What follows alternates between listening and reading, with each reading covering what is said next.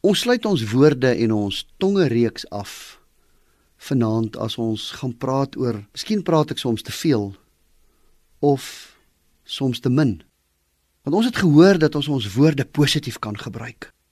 Dat ons opbouend sal wees en nie krities sal wees nie. Maar dat ons ook ons woorde negatief kan gebruik. En die Bybel het vir ons oplossings in beide gevalle. En daarom sê die Bybel in Spreuke 10 vers 19 met baie praat bly die sonde nie uit nie.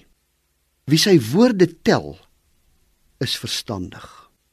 So dit beteken nou nie dat ek en jy niks moet praat nie of dat ons so versigtig moet wees dat dit heeltyd lyk asof ons niks te sê het of, of asof ons kwaad is nie.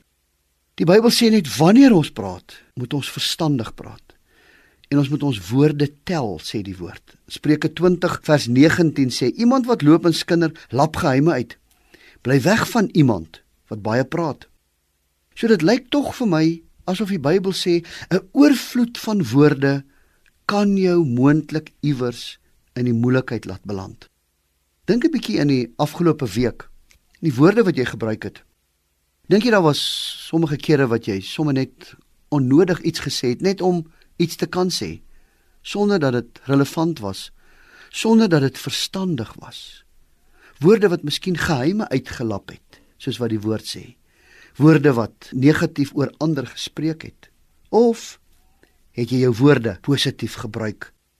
Want Spreuke 10 vers 20 sê die woord van die regverdige is die fynste silwer werd. Jy moenie jou woorde geringskat nie. Jy moet toelaat dat jou woorde gesuiwer word. Jy moet toelaat dat daar 'n wag voor jou mond is.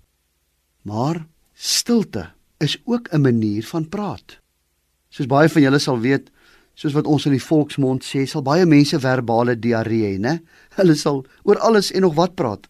En as jy weer en as jy politiek en as jy val van die rand en as jy petrolpryse en oor alles en nog wat en uiteindelik min tot baie min sê.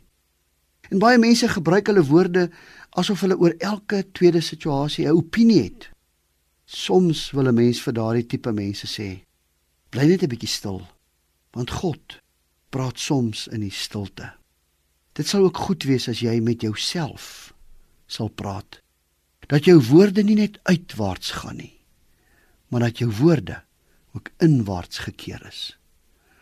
So kom ons keer ons woorde nou inwaarts wanneer ons ons harte voor die Here bring en hom aanbid.